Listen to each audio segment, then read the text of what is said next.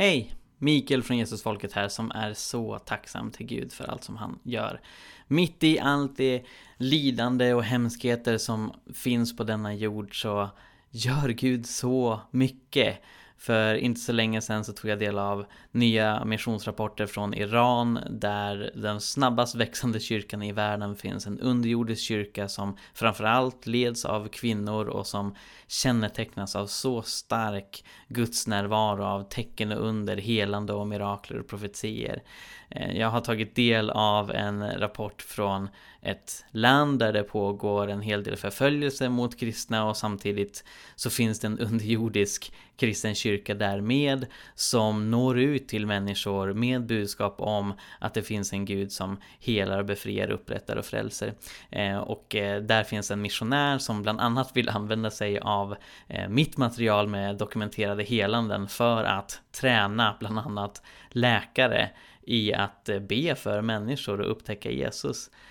Och så är jag också så berörd av de rapporter som kommer från Norge, från den lilla byn Vigeland söder om Oslo, där mängder med människor blir berörda av Gud, de blir helade, de får möta Jesus första gången. Det är någonting starkt som händer där. Och så tänker jag på det som Gud gör förstås här i Sverige. Jag har ju fått den stora förmånen att vara med på konferensen Pingst 23 som gick av stapeln i Småland på pingsthelgen. I förra avsnittet så släppte vi den första presentationen som jag gjorde där om språkmirakler som då ägde rum i Nässjö Missionskyrka.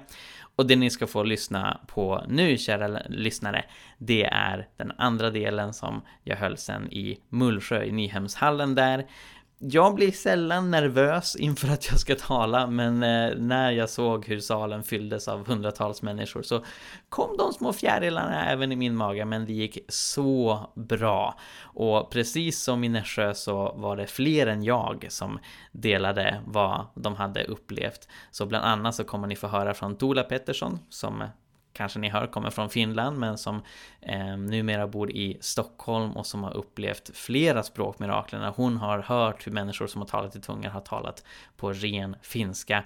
Och så kommer ni få höra Rickard Lundgren, missionär, grundare till Gå ut mission som har fått albanska nedladdat i huvudet. Han kan albanska sedan över 30 år tillbaka eh, för att Gud gav honom det när han skulle missionera i Albanien. Och när Rickard delar det här vittnesbördet så är han så genuin. Han är fylld av glädje, fylld av ödmjukhet och förundran själv över vad Gud har gjort i hans liv. Eh, jag tyckte så mycket om att höra detta och eh, jag tror att ni också kommer göra det. Och sen så delar jag med mig förstås av fler vittnesbörd från min vän Hans Sundberg som eh, hörde hur hans vän Maria Kristensen talade persiska. Håkan Gabrielsson som sjöng ut ut i tungor när han var i Indien och det visade sig vara på ett språk som heter Ho och som profeterade korrekt om en väckelse som skulle komma över Indien.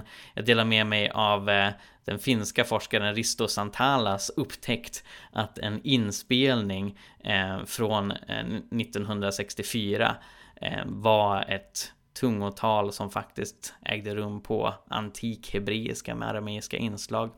Och så kommer ni också få höra en inspelning av ett tungotal som väldigt uppenbart är på engelska. Och ni kommer själva höra, eh, om ni kan engelska, vilket jag tror att många av er kan, jag menar vi har ju släppt poddavsnitt på engelska så jag hoppas att några av er kan det, att den här polska tjejen som talar i tungor faktiskt talar engelska om Jesus. Och mycket mer också. Det var en fantastisk upplevelse att få dela detta och eh, precis som i Nässjö så när eh, vi delade vittnesbörd och eh, bibelstudier om vad Gud kan göra så ledde det till en enorm respons även i Nyhemshallen. Så det var mängder med människor sen efter att vi hade haft våra presentationer som kom fram för att få förbön, för att fyllas av den helige Ande. Och jag tror verkligen att en ny tid är möjlig för Sverige, att eh, människor hungrar och längtar efter mer av Gud, mer av Andens gåvor. Och när det görs på ett sunt sätt som kombineras med engagemang för de fattiga, utsatta, för fred och rättvisa, då får vi något riktigt bibliskt och underbart som jag älskar att få vara med om. Så jag hoppas att det här ska bli till välsignelse för er och så vill jag förstås önska er en varm och härlig och trevlig sommar. Men här kommer då min presentation om språkmirakler tillsammans med Tola Pettersson och Rickard Lundgren från Nyhemshallen under pingsthelgen 2023. Håll till godo.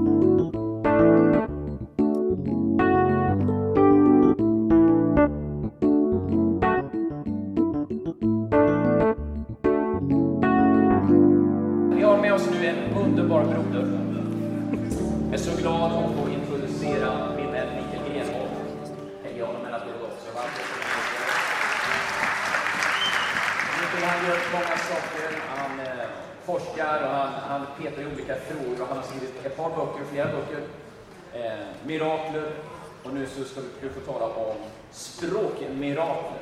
Så jag lämnar över till dig. Gud välsigne Tack så jättemycket Pascal.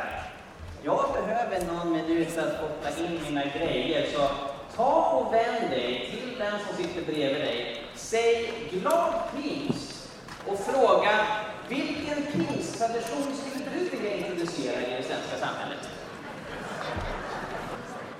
Kära vänner. Pingsten är den minst firade av de tre stora kristna högtiderna. Jul och påsk har fått mer uppmärksamhet, har fler traditioner. Men pingsten behövs. Pingsten påminner oss om att vi står inte ensamma på denna jord. Gud har gett oss sin heliga Ande som kan göra det mirakulösa för oss själva i vår nöd och för att hjälpa andra människor i deras nöd. Vi lever i en väldigt trasig värld. Krig och rykten om krig sprider sig världen över. Allt fler oroar sig för nya världskrig och att kärnvapen börjar användas. Men redan innan denna osäkra krigssituation uppstod så har det rått en humanitär kris i många, många år. Var fjärde sekund så dör en människa på grund av fattigdom. Det blir ungefär 25 000 på en dag och hälften av dem är barn. 100 miljoner människor är på flykt. De allra flesta av dem befinner sig i fattiga utvecklingsländer som inte har tillräckliga resurser för att hjälpa dem. Och enligt både FN och flera forskare så kommer mellan 2 och 3 miljarder människor förlora dricksvatten och leva under ohållbara situationer om bara 40 år på grund av ökande eh, värmeböljor och smältande glaciärer. Om det inte stoppas förstås.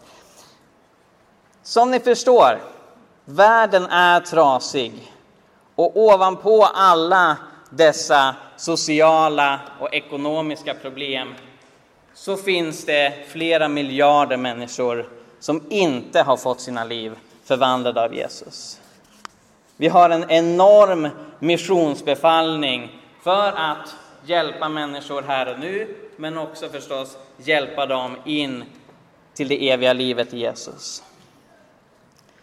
Och då har Gud lovat att vi ska få kraft från höjden för att vara en välsignelse för den här världen.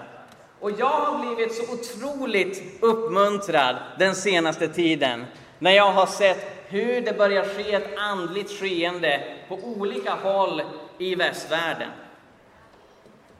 För bara några månader sedan så började fler och fler människor samlas på ett kristet universitet i USA som heter Asbury University. Det som hade börjat med en vanlig, ganska rutinmässig andakt ledde till ett skeende som gjorde att tiotusentals människor samlades runt och i den här aulan Många människor kom till tro, många människor fylldes av den helige Ande, många blev helade. Och sen, för ungefär två månader sedan, så skedde något liknande i vårt grannland Norge. Har ni hört om det här? den lilla byn Vigeland söder om Oslo. Där fanns det ett bönehus, Vigelands bedehus, där man samlades ungefär en gång i månaden. Och när det samlades folk där var det vanligtvis 10-15 personer. Väldigt sparsamt, väldigt ödmjukt, väldigt litet. Nu har det kommit så många som söker Gud kring det här bönehuset att de fick flytta ut, först till en större kyrka och nu har de flyttat till en sporthall. Förra helgen, förra helgen så var det över 1200 människor som samlades där. Alltså bönemöten som började med 10 trofasta bedjare exploderar. Och det är samma sak där. Människor får möta Jesus för första gången, få sina liv förvandlade av honom. Människor blir fyllda av anden, människor blir helade. Det jag vill förmedla för er idag, det är att samma Gud som verkade på Bibelns tid, samma Gud som verkar i USA, Norge och på massa andra platser runt om i världen, han verkar här. Han verkar nu. Pingsten är till för att upprepas. Det var ingen engångshändelse, det är någonting som vi kan erfara. Och för att verkligen hamra hem detta så har jag gjort det som min lilla mission de senaste fem åren. Att skriva böcker där jag dokumenterar mirakler. Och så får jag höra, men Mikael, kan man verkligen dokumentera mirakler? Jajamän, det kan man. Det bibliska löftet om att Gud kan göra långt mycket mer än allt vi ber om eller ens kan tänka oss genom den kraft som bor och verkar i oss. Det är någonting som vi faktiskt kan verifiera. Och jag har ägnat flera år åt att evangelisera ute på gator och torg med organisationer som Pannkakskyrkan när vi delar ut pannkakor och berättar om Jesus. Jag har märkt att det är många som frågar, var är bevisen? Om det nu är så fantastiskt att den heliga anden kan göra mirakler idag, hur kan vi få detta dokumenterat? Så för fem år sedan så satte jag igång att skriva en första bok. Och min ursprungliga tanke var att jag skulle samla in alla möjliga sorters mirakler och verifiera dem på olika sätt. Efter ett tag så insåg jag att det skulle nog bli enklare och kanske också tydligare om jag avskärmade mig till helande mirakler. Så i den här boken som då heter Dokumenterade mirakler så dokumenterar jag vetenskapligt oförklarliga tillfrisknanden efter bön. Tillfrisknanden som sker efter man har bett för helande i Jesu namn och som saknar vetenskaplig förklaring. Enligt vilka då? Jo, enligt de läkare som har undersökt detta. Ja, vetenskapligt oförklarliga tillfrisknanden efter bön tar ju ganska lång tid att både säga och skriva, så jag förkortar det till voter. Men när jag ägnade mig åt detta så upptäckte jag att det finns långt fler sådana här verifierade helanden än vad jag först hade anat. Och jag fick stanna mitt projekt efter 50 stycken för att boken inte skulle bli alltför tjock. Men bland annat så fick jag prata med en kvinna som heter Maria som bor i Flen. Hon höll på att bli helt och hållet död men fick sin hörsel tillbaka efter att hon hade varit på gudstjänst i Sionförsamlingen i Flen och några missionärer hade bett för hennes helande. Hon har skrivit om det här i en egen bok också som heter Mitt livs mirakler. Och det som var så fantastiskt med Marias helande, det var det att anledningen till att hon höll på att bli helt och hållet döv var att cellerna i snäckan i örat dog en efter en. Så hennes läkare sa, jag har ingen medicinsk förklaring till detta. Du kan kalla det ett mirakel. Det var inte bara ett helande, det var ett uppväckande från de döda i miniatyrformat. Jag har intervjuat Jens Sjöström, som även har uppmärksammats i Expressen på grund av att han blev fullständigt frisk från en hjärnskada som man inte kan bli frisk från. Och för att göra en lång historia kort, han är fotbollsspelare, blev eh, tacklad, trodde han hade fått en hjärnskakning, men det var en hjärnskada. Så han vårdades på neurorehab på Norrlands universitetssjukhus. Fem specialistläkare vårdade honom. Och de fick berätta för honom att vi kommer inte kunna hjälpa dig komma tillbaka dit du en gång var, utan Vi ska hjälpa dig att anpassa dig efter dina förutsättningar så gott som det är möjligt. Och det var väldigt tungt för Jens att höra, för han kunde inte spela fotboll längre. Han var tvungen att sova 12 timmar per natt. Han kunde inte lyssna på musik, han kunde inte kolla på film, han kunde inte gå till kyrkan eller på restaurang eller någon annanstans där det fanns mycket människor. Allt detta överbelastade hans hjärna. Han hade en vän som hette Lydia. Och hon kände till det Jens gick igenom, bad väldigt intensivt för att han skulle bli frisk. Och när han hade varit sjuk i tio månader så eh, skickade Lydia ett sms till honom. Hej Jens, idag är det din dag. Kom till kyrkan så blir du helad. För Lydia, och jag har intervjuat Lydia också, hon var bara övertygad om att Jens kommer bli frisk. Hon bara visste det. Ja, Jens kunde inte komma till kyrkan, han tackade för omtanken men sa att han var upptagen och Lydia sa, det gör ingenting, det är inte kyrkan som helar utan det är Gud som helar, så vi ber för dig ändå.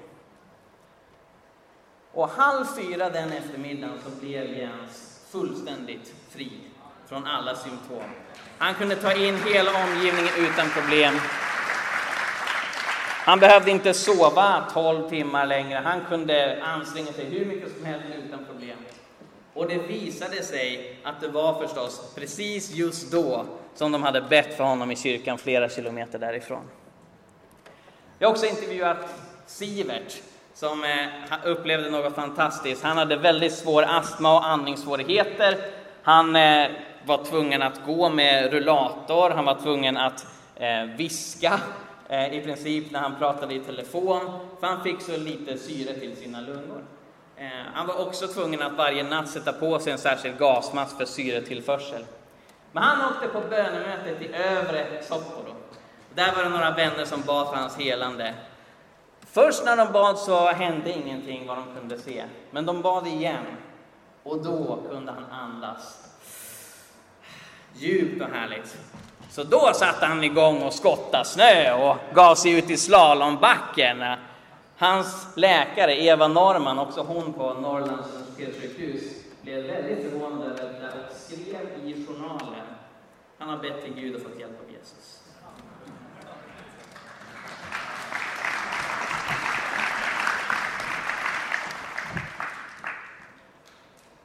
Helanden är underbara för de vittnar om Guds omsorg för oss, hur Gud uppenbarar sin makt samtidigt som han också åtgärdar specifikt problem. Men jag kände mig inte klar när jag hade skrivit den första boken om helande. Jag ville utforska fler mirakler och någonting som länge intresserat mig är det som står i centrum på pingstdagen i Apostlagärningarna 2 språkmirakler, när människor talar eller förstår språk de aldrig har lärt sig. Det står i Apostlagärningarna kapitel 2, vers 4 att alla uppfylldes av den helige Ande och började tala främmande språk, allt eftersom Anden ingav dem att tala. Och sen så Lukas som har skrivit Apostlagärningarna, han fortsätter att lista hur folk hör arabiska och koptiska och latin och alla möjliga språk som de här outbildade galileerna plötsligt kan tala på grund av Guds mirakel. Och jag har fått höra en hel del gånger att tungotal som talas i församlingarna idag, det är inte riktigt tungotal, det är inte bibliskt tungotal. Det är bara rappakalja, för det Bibeln pratar om, det är sådana här mänskliga språk som andra kan förstå. Och för det första så tycker jag att det är en förenkling. När Paulus beskriver tungotalet i Första Korinthierbrevet 13 så tycks han åsyfta tungotal som inte är tänkt att förstå som någon annan. Samma sak i kapitel 14. Men sen så är det ju så att det här är inte ett fenomen som har upphört. Sådana här språkmirakler sker idag. Faktum är att det sker irriterande många idag. Alltså jag blev ju nästan aldrig klar med den här andra boken då. För att folk bara fortsatte och fortsatte och fortsatte skicka in vittnesbörd. Och när jag trodde jag var klar, då kom det tre fantastiska vittnesbörd till. Tror ni inte sen när jag då skickade boken till, till Sjöbergs förlag och bad dem gav ut den, folk fortsatte skicka in den. Så, så lyckligtvis har jag en hemsida också som heter dokumenterademirakel.se där man kan läsa fler vittnesbörd som inte hanns med i boken. Alltså snälla nån, vi hade ju konferens i Nässjö i, igår Jag tror det var tre stycken som kom fram. Mikael, nu, jag har också varit med om språkmirakler. Så det här är någonting som sker även här i Sverige. Och den som fantastisk uppmuntran på hur Gud är närvarande och hur han verkligen brinner för att nå ut till alla folk, till alla kulturer, alla stammar, alla språk och förmedla sitt evangelium. Ni som var med i Nässjö igår fick höra, inte bara av mig, utan även av några av dem som jag har intervjuat för boken som var med igår. Bland annat så delade Inga hur hon hade upplevt eh, när hon var med på ett bönemöte i sin församling i Råslätt i Jönköping. Det står fel här på sliden. Det hon hörde var arabiska. Och buds, eller hon hörde inte arabiska, men hon uttalade tungotal som visade sig vara arabiska, som då andra kvinnor kunde förstå som var med i samma grupp. Och det hon sa, det var att duvan sänker sig ner över församlingen. En bild på hur den helige Ande är närvarande, precis som på Bibelns tid. Vi lyssnade också till Barbro Wallin Kristensson som egentligen har varit med om väldigt många språkmirakler. Men hon berättade bland annat hur hon hade citerat psalm 36 på bengali när hon var på ett möte i Arken 2009. Barbro kan inte bengali. Men det kunde lyckligtvis kvinnan som satt bredvid henne, en missionär vid namn Lisbeth Dutt. Och hon hörde att det Barbro sa var något i stil med Tomara, Balobasara, Srotte Tume, Tadera, Panna, Karate, Dao. Ni får ursäkta mitt dåliga bengaliska uttal. Det här var då eh, översatt ordagrant till svenska. Av din ljuvlighetsström ger du dem att dricka. Ett bibelord som uppmuntrade Lisbet väldigt mycket. Sen så frågade jag Lisbet när jag intervjuade henne, hur kände du när du hörde det här? Hon sa, ja du Mikael, jag har sett människor uppväckas från döden. Det är klart att jag förväntar mig att Gud ska göra sådana här språkmirakler, men det var ju trevligt att han gjorde det. Det var en uppmuntran att, att han såg mig där och, och, och min mission för de som talar bengali. Och sen så lyssnade vi igår också till Jonas Andersson. Han har varit med också om väldigt många språkmirakler. Bland annat så berättade han om hur han, inte så jättelångt härifrån, i Kungsporten i Huskvarna på deras Kungsportsakademi för några år sedan hade talat i tungor och då så var det en kvinna som hette Maria som kunde förstå vad han sa. Han talade på nordafrikansk arabiska budskap direkt riktade till henne och det fick henne att eh, gråta av, av tacksamhet att Gud verkligen såg henne och bekräftade det som hon behövde höra. Jonas berättade också hur han hade varit i Vietnam och där hade han en tolk som hette Mary som normalt inte var jättebra på engelska. Det var lite svårt eh, för henne att tolka. Men eh, hon gjorde sitt bästa och, Jonas var liksom inställd på att det här kan ju komma att ta lite, lite längre tid nu när jag ska undervisa på engelska och hon ska översätta till vietnamesiska. Men det gjorde det inte alls. Helt plötsligt så översatte hon som ett rinnande vatten och det bara liksom öste på. Och Jonas blev förbluffad över hur det här gick till och frågade henne om, om detta efteråt. Och hon förklarade, ja, nej, men jag hörde dig tala på vietnamesiska så jag bara upprepade det du sa. Och det var ju snarare ett uttydningsmirakel än ett tungotalsmirakel. Bibeln talar både om tungotal och uttydning. Och det var liksom någonting som hon hörde fast Jonas hade talat på engelska. Och sen berättade Jonas om Benin.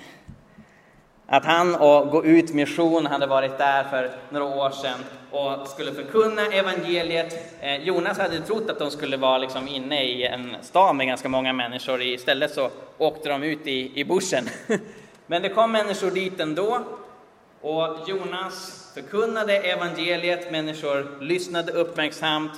De, det bjöds in till frälsning, människor kommer fram, hundratals kommer fram och, och vill ta emot Jesus. Och sen när Jonas då har bett för att de ska bli frälsta och säga Amen, då börjar folk se ganska förvirrade ut när de sen fortsätter beskriva vad som ska hända härnäst och så vidare. Och de kollar runt lite grann, vad är det som har hänt egentligen? Då visar det sig att de flesta som var där talade språk som det inte fanns tolkning för. Men de hade hört sina språk när Jonas hade talat, alltså flera olika språk. Så det var också ett uttydningsmirakel i multiplikation som ledde till att människor fick möta Jesus. Min vän och mentor Hans Sundberg, han var min pastor i Uppsala i flera år och sen blev jag hans pastor. Eh, och nu så när jag flyttade så har vi fortsatt god relation. Han berättade att han på 70-talet när han var en del av Jesusrörelsen fick uppleva något fantastiskt. De var och evangeliserade på Fyristorg i Uppsala. Eller förlåt, Celsiustorget. Det spelar ingen roll om ni inte kan Uppsala, men rätt ska vara rätt. Så han var där och han var tillsammans med en kvinna som hette Maria som också evangeliserade och några till. Det kommer fram en man som har sitt ursprung i Iran och han tror på Bahai. Det är inte en jättestor religion, men det Bahai hävdar är att de är religionernas religioner. Liksom allt leder fram till Bahai och det är Bahai man ska tro på. Så Hans sätter igång och debatterar med den här iranska mannen. De kommer inte direkt överens. Och medan de har den här debatten så står Maria och ber för att Hans ska vinna. Och Hans hör att hon ber inte på svenska, hon ber i tungor. Känner, eh, hmm, hur ska det här uppfattas av den iranska mannen? Han kanske tycker att, att hon är jätteknäpp, så han tittar på hur den iranska mannen reagerar och han stirrar på Maria. Och lyssnar väldigt uppmärksamt. Så Hans tittar på Maria och, och så tittar han på den iranska mannen och så inser han, ah, okej, okay, hon talar persiska. Maria kunde inte persiska. Jag har intervjuat henne också. Hon har intygat för mig. Hon hade inte någon blekaste aning hur man säger någonting på persiska, utan hon talade bara i tungor, men det var anden som ledde det tungotalet. Och det var ett budskap som verkligen gick djupt in i den mannens hjärta. Jag har intervjuat en kanadensare som heter Mark. Han var och besökte en kyrka den 25 januari 2010. Och innan han hade hunnit predika, så de bad inför predikan. Mark eh, talade i tungor, bad i tungor inför mötet. Och sen så när han eh, öppnade ögonen, för han hade bett med slutna ögon, då så stod det en annan man framför honom som hette Keith. Så Mark hoppade till. Oj, var kom du ifrån? Och Keith sa, jag vet vad du sa. Du talade spanska. Nej, jag talar i tungor, sa Mark. Men du talade i tungor på spanska och jag förstod vad du sa. Får jag dela det? Ja, men absolut, det får du absolut. Så Keith berättade vad Mark hade sagt när han talade i tungor och det visade sig att han hade spoilat sin egen predikan. Så Keith sa att jag upplever att Mark betonar vikten av lovsång, vikten av bön, hur Gud är mäktig och hur den profetiska gåvan ska förlösas i församlingen. Han pratar lite längre än så, men det var de fyra viktiga punkterna. Tillbedjan, bön, kraft och profetia. Och sen när Mark satte igång med sin predikan, han hade till och med en powerpoint till den, han har skickat över sina powerpoint-bilder, så flämtar församlingen till. När han kommer sju bilder in i powerpointen eller något sånt där. Och han pratar utifrån Jakobsbrevet 5 och lyfter fram fyra stycken saker som eh, aposteln Jakob, bror till Jesus, betonar i sitt brev. Tillbedjan, bön, kraft och profetia. Inte bara det, Mark hade sett till att nästa bild skulle se ut så här för att verkligen betona det. Och Mark var alldeles ställd över det här. Han hade ju inte visat sin powerpoint för någon annan. Han förstod att det här var Guds bekräftelse för att det här var vad församlingen verkligen behövde höra den söndagen. Jag har intervjuat Sture Klar som är morfar till min vän och kollektivbroder Jakob Schönning Landin. Sture berättade för mig att i mitten av 60-talet hade de haft ett ekumeniskt möte i Edsbyn där han bor. Och på den här tiden var ekumeniska möten mer kontroversiella än vad de var idag. Det var inte alla som såg med glada ögon på att Pingkyrkan och Missionskyrkan skulle ha ett gemensamt möte. Men Sture var där. Han delade offentligt ett tungotal. Och han tror att det var han själv, även om han var lite osäker på det, som sen gav uttydningen till detta tungotal. Och uttydningen gick ut på att Herren finner stort välbehag i när hans flock samlas. Efter att han hade delat detta så kom en man som hette Erik fram som var rektor på en skola i Edsbyn.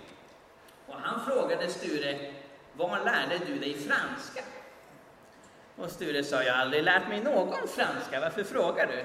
Och Erik sa, du talade franska när du talade i tungor. Och budskapet var, precis som uttydningen, att Gud finner stort välbehag i att se sitt folk enas.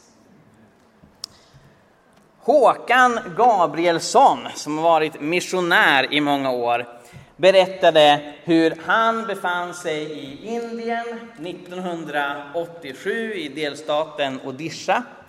Och där hade de ett ledarseminarium för församlingsplanterare, pastorer och andra ledare i området. När de bad så upplevde Håkan hur han skulle sjunga i tungor, inte bara tala i tungor, utan han sjöng ut på ett språk som han kände att anden ingav honom att tala. Och när han hade sjungit klart så kom pastor Rudaya fram som var med och organiserade detta och som jag också haft kontakt med och, och verifierat den här berättelsen. Och pastor Rudaya sa det där var en vacker sång Håkan, den var på H. H? sa Håkan, ja, H. Ett av Indiens mindre språk, det talas bara av en miljon människor, men det är ändå ett språk. Och det fanns en evangelist på plats som hette Bulan Singh Jarika som kunde förstå Ha och kunde uttyda att det Håkan hade talat om, det var en profetia. Håkan hade profetiskt förutsagt att det kommer komma en väckelse över Odisha. Och det var ju någonting som inte bara då den här evangelisten och pastor Rodaya tog till sig, utan även Håkan själv och hans organisation Touching Asia. Så de satsade extra på Odisha-provinsen framöver, vilket mycket riktigt sedan har upplevt stora väckelser, också mycket förföljelse. De har följts åt hand i hand. Men trots att det har varit mycket lidande och smärta har det också varit stor framgång för evangeliet. Många människor som blivit frälsta och helade. Och Håkan är så tacksam att Gud fick eh, uppmärksamma honom själv på detta genom en sång på hopp. Och det här är spännande. Här. En eh, finsk forskare som inte lever längre, han har gått hem till Herren, Risto Santala. Han verkade i Jerusalem i många år, specialiserade sig på gamla hebreiska texter. Och han uppmärksammade att ett inspelat tungotal från en amerikansk luthersk pastor som heter Larry Christensen, det innehöll ett budskap på hebreiska. Inte vilken hebreiska som helst, det var inte biblisk hebreiska, det var inte modern hebreiska, utan det verkade vara någon form av hebreiska som man talade på 300-talet, 400-talet efter Kristus. Någon lärare trodde först att Risto skämtade när, när Risto ringde upp honom och, och berättade det här. Men han mindes att han mycket riktigt hade deltagit i en tungotalsstudie som en annan forskare som heter Paul hade organiserat 1964. Syftet med den studien var att liksom spela in tungotal för att ganska lite hur det låter. Det fanns liksom ingen eh, förväntan att det skulle vara på mänskliga språk. Men när Risto sen hörde den här forskaren flera år senare spela upp Larrys band så kände Risto igen flera av orden. Så han tog hjälp av andra språkforskare i Jerusalem för att först transkribera texten och sedan översätta den. Och det de fann var att det var en sång på 440 ord som talade om att Jesus är Gud. Till vänster så ser ni transkriberingen på hebreiska som Risto var med och producerade. Och här har jag gjort ett litet utdrag som jag har fått hjälp att översätta från Ristos egen översättning till finska. Min lärare och Herre, gudomlig som Gud är gudomlig. Han är sårad. Du Guds upphöjde, du har fått höra och jag ska välsigna bruden som är skyddad av Gud. Då blir vi lagd under Guds förbannelse, Guds ljus, Guds sårade, den piskade, Guds rene tjänare. Du har förklarats som skyldig av Gud mot människor. Dig, gudomlig som Gud är gudomlig, kommer han att välsigna. Han har hört dig. Herren som är upphängd har förvandlats till människa. Jag hedrar dig som Herre, fullständigt gudomlig som Gud är gudomlig. O Jesus, för mig är du som honom Gud. Jag ska välsigna dig, ära åt Gud.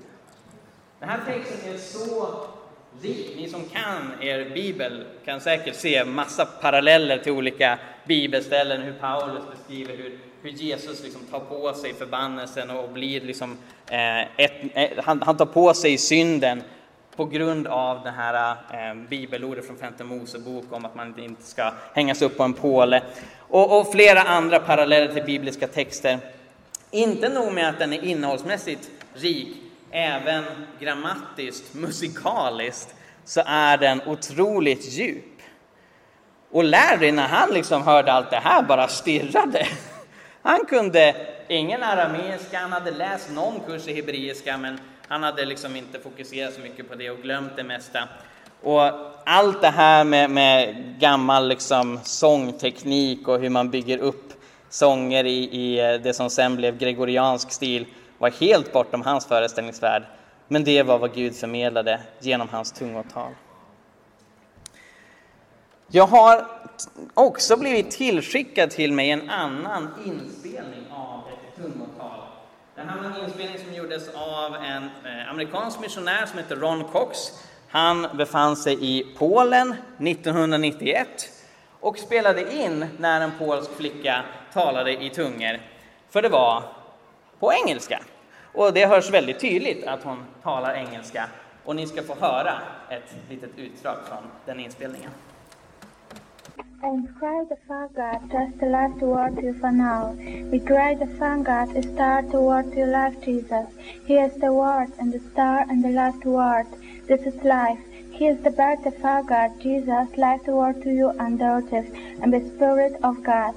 He is the life. Jesus is the word and the star, and the Father God, the rate of that. Life toward the smart and the farthest trust far. God is the life toward the now. Jesus is life, He is the word now. He is the life as a star, and the star and the life without Him. And may God word to you life, Jesus. He is the word, He is the life, and the saved to word to you for life. Jesus is the Spirit of God. He is the last word to you now, and the strong, the far God, and the last word to you for that. And Jesus is the life now. He dirt the far God. Maybe we can try faster. Or, well, let's, can I ask some Ask- questions ask her to to record questions? English. Okay. Yeah, just just let just keep it recording. So, Can you understand me? Do you know English? Do you know any English at all? czy znasz chociaż trochę angielski? Ja niektóre słowa znam, bo chodziłam na wykłady bi- szkoły biblijnej, to niektóre z- dotyczące Boga znam teraz. Mm, Ale I- tak, I nic, know nic few właściwie, nic, words. nigdy się nie uczyłam. Okay. Nigdy się nie uczyłam. Now, when did this happen to her when she received this tongue? Kiedy to się stało? Kiedy otrzymałaś ten język? E, Język otrzymałam dwa lata temu. Na boisku szkolnym modliła się o mnie koleżanka. Two years ago I prayed with my a friend of mine and it was on the uh, football field and she played for me and I got the language. She got it two years ago. Yeah. Mm. And has she known that this was English she was speaking in? Czy wiedziałaś, że to był angielski? Nie, na początku jeszcze nie. Poza tym na początku mówiłam jak małe dziecko, niezrozumiałe zupełnie. Not in the beginning. And in the beginning I was speaking like a little child. Nobody could understand me. When did she find out this was English? Just today? Kiedy, kiedy poznałaś, że to jest angielski? Mm, Ludzie mi powiedzieli, którzy słuchali. People who were listening to me, they, they told me that mm, Nasz it's pastor. English. T- today? Y, To było dzisiaj? Nie. Oh, before. Yeah, it was before. Before. Wow. Ja, ljudkvaliteten är inte den bästa på den här inspelningen. Men som ni förhoppningsvis kunde höra var det helt uppenbart engelska hon talade i början. Och sen när Ron Cox började ställa frågor till henne, då var hon översättning. Hon kan inte engelska. Och han började ställa följdfrågor om, om när det här dök upp och så vidare. Ehm, första gången jag hörde det här blev jag inte jätteimponerad. Jag tänkte, ja, nej, men hon, hon pratar engelska, det låter som engelska. Sen insåg jag att det är ju så per definition det låter när någon talar i tungor på ett mänskligt språk. Ehm, så Ron blev otroligt berörd av detta för att det var väldigt tydligt för honom att när han sen liksom fortsatte kommunicera med henne och när de hade liksom samtal i det amerikanska teamet och hon var i närvarande. Hon förstod inte vad de sa. Men när hon talade tungor så var det budskap om Jesus på engelska som hon förde fram. Min vän Samuel Olofsson är numera missionär i Laos och han har tillsammans med sin fru adopterat eh, några laoitiska barn. Ett av dem började framföra budskap på svenska och norska vid ett tillfälle när hon talade i tunga. Och det var perfekt uttal på både svenska och norska. I det norska budskapet som hon sen då gick över till så hade hon ett personligt meddelande till Rune Edvardsen som var någon som eh, Samuel hade inte jättenära kontakt med, men de kände till varandra. Och han visste att Rune också var missionär. Det budskap som då Samuels dotter förde fram på norska, det var att Gud vill att eh, Rune, som befinner sig i ett land med mörkhyade människor, ska köpa den mark han funderar på att köpa. Samuel ringde upp Rune och frågade Står du upp eller sitter du ner? Ja, jag sitter, sa Rune. Ja, det var bra. Nu ska du höra vad min dotter har sagt. Och mycket riktigt, Rune var precis i görningen med att köpa en stor bit mark. Och han hade funderat mycket på om han skulle ta det budet eller inte, för det var mycket pengar och mycket mark. För att bygga ett center för att hjälpa funktionshindrade barn i Uganda. Och Rune fick sen en tid senare träffa eh, Samuels dotter och tacka henne för att hon förde fram det här budskapet. No, hon hade ju inte varit medveten om att det var svenska och norska hon hade talat, hon hade bara talat i tungor. Men hon var glad att Gud använde henne för att välsigna Runes missionsarbete i Uganda. Jag har intervjuat en kvinna som heter Kathy, som kommer från Missouri. Hon åkte till Costa Rica 96 och eh, kunde ingen spanska. Faktum är att när hon eh, pratade med mig så sa hon ah, min spanska var så dålig, jag kunde bara säga no habla español. Vilket hon tänkte betyder jag talar inte spanska, men det betyder egentligen hon talar inte spanska. Så jag, jag kunde förstå att ja, det var ganska ringrostigt.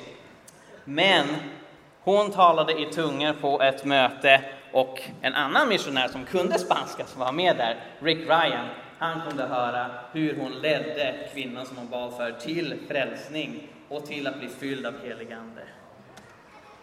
Så, så, och, och, Rick kunde också, jag pratade med honom också, han kunde bekräfta, ja, Kathys spanska var otroligt dålig, hon blandade ihop olé och olla hela tiden. Så det, det, var inte bra, men det var ett Guds mirakel som gjorde att den här kvinnan ändå blev frälst. Och så har jag pratat med Thomas Henning som var tidigare pastor i Pingstkyrkan i Falköping. 2017 så hade de ett vanligt möte där. Thomas talade lite i tungor och min vän och kommunitetssyster Anneli Lendrup reagerade på detta, för det var finska han talade. Och Anneli kommer från Finland, så hon kunde höra hur han talade om Guds frid. Och eh, hon berättade det här bara liksom, jag tror två veckor innan boken skulle skickas till tryck. Så jag skyndade mig att skriva ner detta, ringde upp Thomas eh, och så pratade jag om det här. Jag min vän Anneli har ju sagt att eh, du talade finska när du talade tungor. Gjorde jag? Då hade han glömt att Anneli hade liksom uppmärksammat detta liksom när, när det väl skedde. Det hade helt runnit bort av någon anledning. Så han blev ju jätteuppmuntrad. Och jag var ju tvungen att ställa kontrollfrågan, kan du någon finska? Och han bara skrattade. han har inte kunnat någon finska i hela sitt liv. Någon som däremot kan finska och som har varit vittnen till flera språkmirakler som jag har fått äran att intervjua. Hon finns med oss här idag. Ge en applåd till Tola som ska komma fram och dela sina erfarenheter.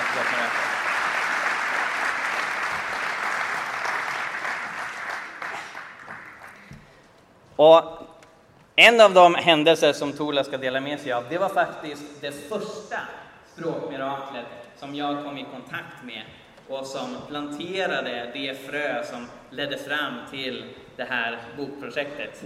Så jag är så glad att du har kunnat ta dig från Stockholm hit idag, Sola. Vill du berätta lite vad som hände i Stockholms bönehus för 12 år sedan? Det nu? Just det.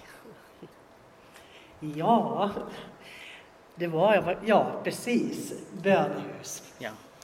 Det är kraft i bönehus, jag lovar. Ja, det var så att jag eh, kom dit ensam och var jag lite eh, sådär eh, ensligt, oj, det, vad, vad hände här? Det var den första gången som jag var där. Och eh, sen det bara Martin och Frida, men att de var där. Men eh, sen eh, började det, ja, det var mycket bön och vilken underbar atmosfär. Mm. Och eh, sen eh, bakom mig, eller efter mig, kom två, ja, jag trodde det var två stycken killar. Och sen eh, sitter man där och sen hörde jag att de pratar finska. Mm. Och då tänkte jag att, ja, oj vad trevligt, men jag hälsar på sen vad de säger. Och sen fortsätter bönen och så. Och de var på finska, väldigt vackra saker, väldigt stora saker. Och så de är, jag är livets bröd och, Mm. och sådana riktigt djupa stora. Vi har så jättestor Gud. Ja. Och eh, sen, eh, sen det var, när det här var över, så tänkte jag nu är jag nere och hälsar på dem. Och sen sa jag, hej, jag heter Tonat, vad heter du? Och de tittade på mig och helt, vadå? ja men, vad, vad heter du då? Du pratade finska jättetydligt. Och sa, och sa nej, jag kan ingen finska, absolut inte. Och sen började jag tänka, åh. Och jag, eh, när, man, när man är här i Baden och hör på finska, man vill inte egentligen su- lyssna.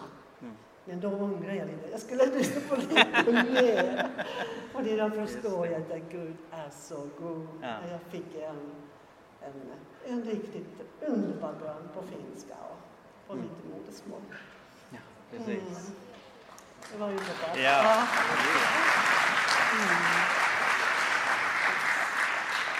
Så jag är livets bröd var en av de saker som sades där på finska. Ja. Och eh, Gud är universums kung tror jag också Ja, ja, precis. Kan du dela med oss hur det låter på finska att säga de sakerna? Äh, Minä olen elämän leipä.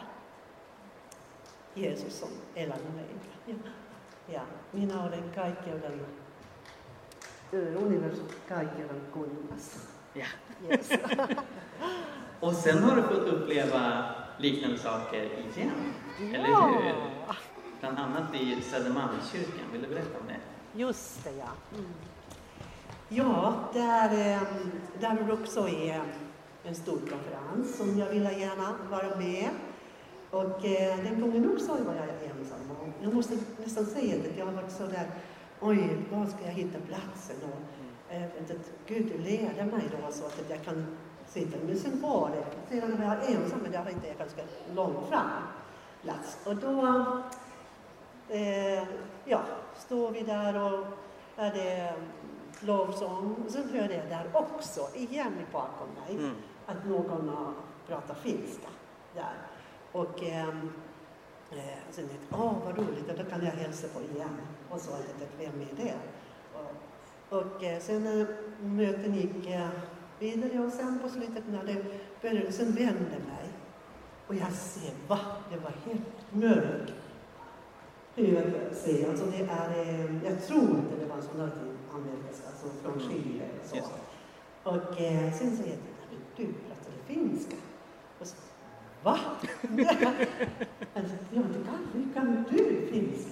Ja. Och så, nej, jag kan inte. Och, så. och hon blev riktigt, riktigt Och så hon, eh, började hoppa och sen tog hon min hand och sen hon ville springa fram till eh, pastor Ja. var det Lennart och Caroline tror jag, de som var i den där Mm. i Södermalmskyrkan. Mm. Att eh, det var ju, hon hade ganska nyligen blivit frälst och väldigt Wow. att hon, hon, eh, hon var lite överlycklig. Ja. Och det var hon sa, det var också jättestort, alltså bara hur god Gud är. Och det var i mina innersta tankar som jag fick svar eget Mm. Alltså, helt otroligt. Mm. Och så hände det igen. Ja, Ja. Berätta om det. ni förstår du Gud. Gud är mot mig. Ja. Det är mot er också. Ja,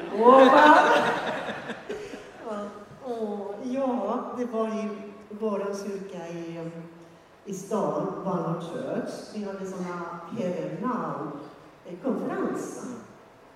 Och eh, vi har, brukar ha sådana amerikanska eh, elever från den här vad heter bibelskolan som kommer till oss. Och eh, sen eh, de deltar just i den här konferensen. Och eh, där eh, skulle de här eleverna komma fram till oss och gå till alla bänkarna där vi skulle lägga fram våra händer så att och de som vill ta emot typ välsignelse eller någonting från dem när de går ner mot eh, alla bänkarna. Då lägger man i handen här i, så det är tecknet att det är okej, okay, du får be för mig. Och så kom de till, till mig. Ja, min engelska är inte bra. Jag var lite så här, åh, vem ska tolka mig? Jag är så hungrig, jag vill veta allt vad de säger. Och, så. och eh, nej, men jag hann inte göra. Och sen när det kommer till mig, en, eh, en tjej som, ja, gått många år i bibelskolan i Amerika. Och eh, nu efteråt vet jag att hon kommer från, eh, in, du kommer från uh, eh, Thailand. Okej. Ja, Anna heter hon. Till och med till mina döttrar säger Ja. mycket väl. Och, så. och eh, då började hon att liksom, ja, be, be för mig. Och hon finska. Mm. Och säger till mig det vackraste Ja. jag någonsin har fått. Alltså personligt till mig. Ja. En riktig hälsning. Och jag bara sjönk med det där. Och sen när hon hade gått, kanske lika en minut, minut och sen går eh, lite vidare och sen, nej, jag måste säga det, jag har pratat finska till dig. Och så- och det blev jättehärligt. Det var också väldigt, väldigt kul. Ja. Ja. Mm. Och vad betyder det här för dig, Ola, att Gud ger budskap på ditt modersmål när han vet att du sitter där i närheten? Ja, det betyder så att du, han, alltså det är hundra procent säkert att han sänder alla. Han sänder mina tankar, mina frågor, mina, att jag får svar just där på mitt eget språk. Det är mitt hjärtaspråk. Det är jättestort. Det är jättestort. Han är så mycket han älskar mig. Det, det finns inte... Han är allsmäktig Gud och ändå kan han ta till mina tankar och mina hjärta. Ja, det kan, det ju hända vem som helst, jag lovar. Tack så jättemycket. Ja. En applåd till Ola.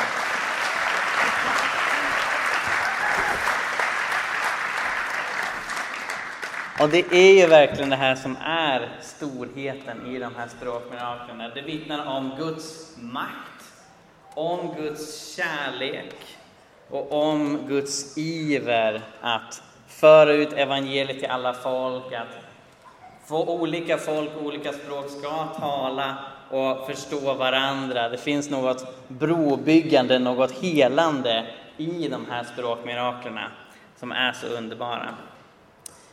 Jag var nyfiken på vad skeptiker skulle säga när jag delade med mig av sådana här vittnesbörd.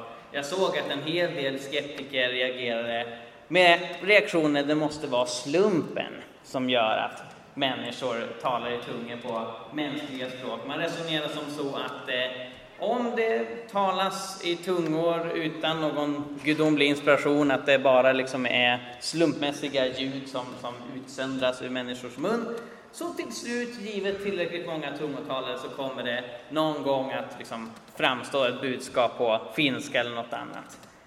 Jag ville granska om det där verkligen var sant. Så jag vände mig till en professor i matematisk statistik som heter Ola Hörsel. Och jag tog de här äh, meningarna som då Tola hade hört i Stockholms bönehus. Jag är livets bröd, Jesus citatet från Johannes kapitel 6.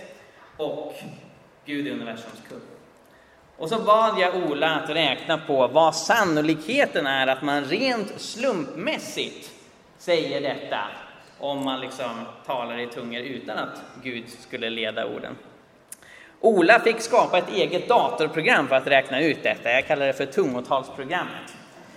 Och han knappade in sin dator där och kom fram till att sannolikheten är en på 88 nontiljarder. Det är ett ganska stort tal. Det har 57 nollor i sig. Faktum är att det är så pass osannolikt att det är miljarders miljarder mer sannolikt att jag om fem sekunder blir träffad av en satiolit som flyger ner från himlen och åker genom taket här. Och jag överlevde, så vi kan på goda grunder säga att det här är inte slumpen, det här är något mer. Sist men inte minst så skulle jag vilja lämna över mikrofonen till en annan person som har upplevt språkmirakler. En eh, person som har eh, kämpat för evangeliets framväxt i flera, flera decennier och där ett språkmirakel var en viktig del av starten på hans missionsresa. Så jag skulle vilja välkomna Rickard Lundgren fram.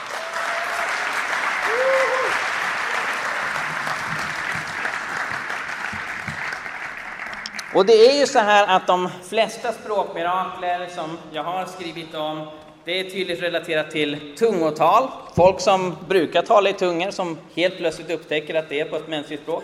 Eller uttydning som vi varit inne på tidigare. Ditt språkmirakel, Rickard, kan jag inte riktigt placera i någon av de kategorierna. För de här som talar i tungor på finska eller bengali eller vad det nu kan vara, de vet ju inte vad de säger. Den bästa termen jag har för att beskriva det du har varit med om, Rickard, det är andlig nedladdning av ett språk. Så vill du berätta för oss vad som hände? Ja, tack så mycket Mikael. Eh, det var alltså så att jag eh, upplevde en kallelse att resa till det ateistiska Albanien 1989 och följde med på en resa dit. Eh, på den tiden hade jag ingen IQ.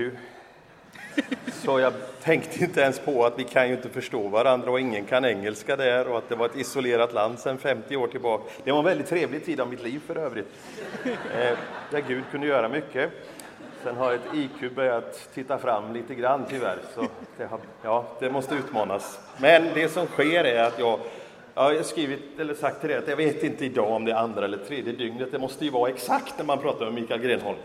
Eh, så vi har ju då tagit fram folk och vänner och min släkt och grejer som ska minnas rätt. Men andra eller tredje dygnet i Albanien så är jag förtvivlad över att jag, jag, jag, jag, upplever att Gud öppnar landet. Människor är inte arga för att jag delar ut biblar. Och, och började med polischefens son och jag tänkte ju nu har jag gjort bort mig fullständigt. Men det var ju ett genidrag från himlen. Eh, och, och, och, eh, jag sitter eller ligger på kvällen i min säng på hotellet och säger käre Gud, det måste finnas någon som kan engelska. Hjälp mig att hitta någon som kan tolka. Och när jag vaknar på morgonen så, så, så jag var inte så van vid att vakna utomlands, jag hade aldrig varit utomlands, så jag tänkte, när jag fick uppleva att vakna i 32 plusgrader, så tänkte jag, jag kommer dö idag. Och när jag säger, tänker tanken dö, så hör jag liksom in i mig, Dotterbitch. Oj, så fick jag skaka bort det liksom. Och sen så tittar jag på fönstret, jag måste öppna fönstret. Tahapedritar, liksom säger det i huvudet på mig. Och sen, va? Varför hör jag en annan röst? Och så, jag måste hitta mina kläder, då ska inte Och så allt jag tittar och gör, inklusive tandborsten, kommer då laddas ner. Eh, och till att börja med är det både obekant och konstigt, men samtidigt så fattar jag ju vad det betyder. Så det var den här dubbelheten då. Va? Eh, och det är den enda stunden, tror jag, då det var lite grann som ett tungotal. Att jag alltså eh, får chansa och tro och, och, och, och, jag får en känsla av att det ändå är någonting. För sen är det nedladdat och jag kan prata med hela folket, överallt. Amen.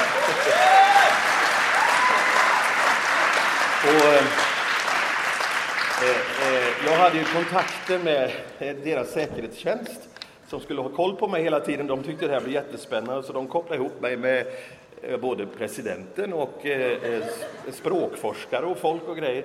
Och de kommer fram till att jag talar, det, om ni har sett på filmen Taken, eh, gör inte det, för det är en våldsam film, men jag har sett den.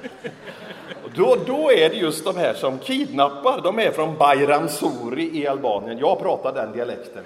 Och ännu mer specifikt liksom i det området i, i, i samhället. Puka så när jag då tar mig upp till Puka så är det ingen som tycker det är konstigt att jag pratar precis som dem. Men i huvudstaden tycker man det är ytterst märkligt. Liksom. Bara det att jag hade jeans, det var ingen som hade jeans på den tiden i Albanien, var ju ett tecken på att jag inte är från Albanien. Och hur kan du då tala vårt språk? Därför att Gud älskar er. Så det är ett tecken då. Va? Och ni som var med i Missionskyrkan i Nässjö idag, kanske någon av er var med där, ja, några viftade borta. Ni kan ju vittna om hur jag mitt i predikan började tala albanska med en kosovalban som sitter längst bak. Eh, och vi hade en konversation i, i predikan där då för att liksom lite grann visa det här hur, hur, hur, det är ett tecken för många att jag fick detta språk. Det roliga är ju att det här är ju 35 år sedan och jag pratar ju likadant. Och dialekter förändras, speciellt i ett land som varit stängt i 50 år, som börjar få tv helt plötsligt och så här. Så de kortar ner sina ord och de har slanguttryck och allting, men det där kan inte jag. Så jag säger till dem, nu pratar du fel, så här ska det låta och så där. Och när de hör mig tala albanska så säger de, du låter som en gammal svartvit film. och det blir ännu starkare tecken då, va? att min albanska den förändras inte, den är nedladdad och det är 1.0. Tänker inte ta emot 1.1 utan 1.0. Så alla albaner de, de säger liksom teta och grejer så till varandra, men så jag kommer då säger jag tunja teta. Jag måste göra det, för det är det ordet som jag har och får. Mm. Eh, det, det, det, Lars Gunther sitter här, jag tror det. Ja, det är det. Jag kände igen t-shirten bara, men ja. Den har du haft en stund. Någonting som Lars också haft en god stund, det är stor öppenhet för den helige ande. Och han är precis som du Mikael, mycket, mycket noggrann eh, och petig människa. Eh, så han kan verifiera, älskade brodern, att eh, när jag var och besökte Hästra där Lars är pastor, vet inte om det är två år sedan eller? Ett, ett år sedan. Ett år sedan. förra året. Ja, du ser. Så, så har vi några albaner där som då, jag säger, kan vi inte göra så att jag talar albanska och så får de liksom tolka till svenska? Det blir jättekul för mig att predika på albanska. Men eh, speciellt kvinnan där då, hon, hon börjar knäa så här och jag, jag frågar vad händer? Då säger hon, dina ord är alldeles för starka och vackra för mig. Det, det är Guds hur hon sa, det är Guds varma kärlek i allt det här. Och det liksom stockar sig för henne. Och det är en kombination då av att, av att tecknet blir så starkt, tror jag. Det är min upplevelse. Ja. ja. Eh, ja det finns ju ett badhus i Gustavsvik och Eh, är där ibland då, eh, med min son då, som har Downs syndrom. Han tycker det är rätt kul att fara runt upp och ner och så där i, i alla forsarna där. Eh, och det här är några år sedan och han var lite mindre i storleken då. Och det är en utmaning alltid, för han älskar att gömma sig i klädskåpen när vi ska efter duschen då. Så då gäller det att vara kvick, men han hann ju före igen och det finns många klädskåp i Gustavsvik. Och han är tyst då, för han vet nu kan pappa inte hitta mig och jag går där och säger hans namn då är det helt kört för då slutar han andas. Så jag... Och jag hittar honom inte tills jag hör albanska liksom uttalas av en grupp kosovoalbanska killar som säger bara Åh fy, vad är det som har krupit in i vårt skåp? Åh, jag, jag törs inte ta mina kläder. Och säger, det måste vara min son, tänker jag. Så jag går bort då till min pojke, han har Downs syndrom och lite förståndshandikappad är han ju och så här. Och, och, och så hör jag dem säga då bara, och fy en sån där äh, handikappad apa, säger de då. Och det är klart att som pappa blir man lite provocerad då, va? Så att jag, men jag höll mig och så tänkte jag, ja, ja, de, ska, de ska nog få så småningom. Och så säger jag, hej, har ni sett min pojke? Och då svarar de på svenska, ja, han bara kom i skåpet, ja, det är inte vårt fel, han bara är där. Ja, okej, okay, det är lugnt, säger jag. När jag sätter in huvudet i skåpet så säger jag, på albanska då, lilla apa, ska du ha lite banan? Och det var mitt sätt att ventilera min eh, lite ilska där då. Va? Men jag hade inte förväntat mig reaktionen när jag vände mig om. Så ligger de på knä. Ja, I alla fall fyra av dem ja. ligger på knä. Ja. Två andra sprang ut. Och är helt bleka ansikten och säger Vi visste inte! Vi visste inte att du kan albanska! Alltså, det är ett tecken. Jag har inte varit i Albanien på 20 år. Och, och, ofta tänker man ju att eh, om man får ett språk borde man vara missionär eller så, men det gjorde mig till missionär. Amen. Tack så jättemycket Rickard.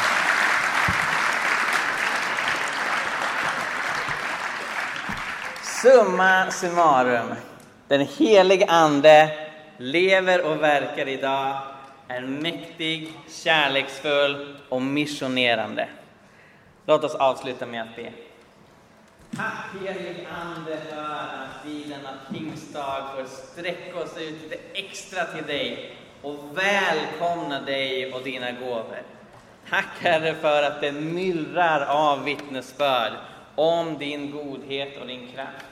Tack Herre för att du kallar oss till att hela en trasig värld, till att hjälpa de utsatta och svaga, till att skapa fred och läkedom mellan folken och genom att predika evangeliet om dig Jesus. Tack Herre för att vi inte står ensamma i detta. Tack för att vi får kraft från höjden. Och jag ber att de här vittnesbörden ska få inspirera, vägleda och motivera mer engagemang för ditt rike. Tack Herre Jesus för den här möjligheten att få samlas, för att rikta blicken mot dig och glädjas åt allt vad du kan och vill göra för oss. I ditt namn Jesus.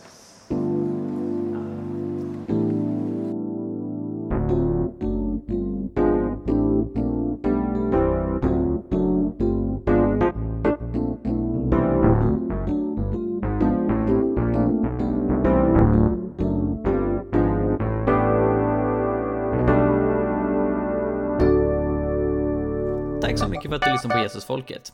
Om du vill höra mer så se till att prenumerera på iTunes, Spotify eller valfri podcastapp. Du kan också lämna en recension, vilket är en eh, liten grej att göra som hjälper oss väldigt, väldigt mycket, så det uppskattar vi verkligen. Eh, du kan också läsa vår blogg, Hela Pingsten. Vi har mängder med artiklar där om Andens gåvor, evangelisation, fred, rättvisa och allt möjligt annat som har med lärjungaskap att göra, så kolla in det. Och vi finns på sociala medier, du kan följa både Jesusfolket och hela pingsten på till exempel Facebook. Tack så mycket, Gud välsigne dig och eh, fortsätt vara en del av Jesusfolket.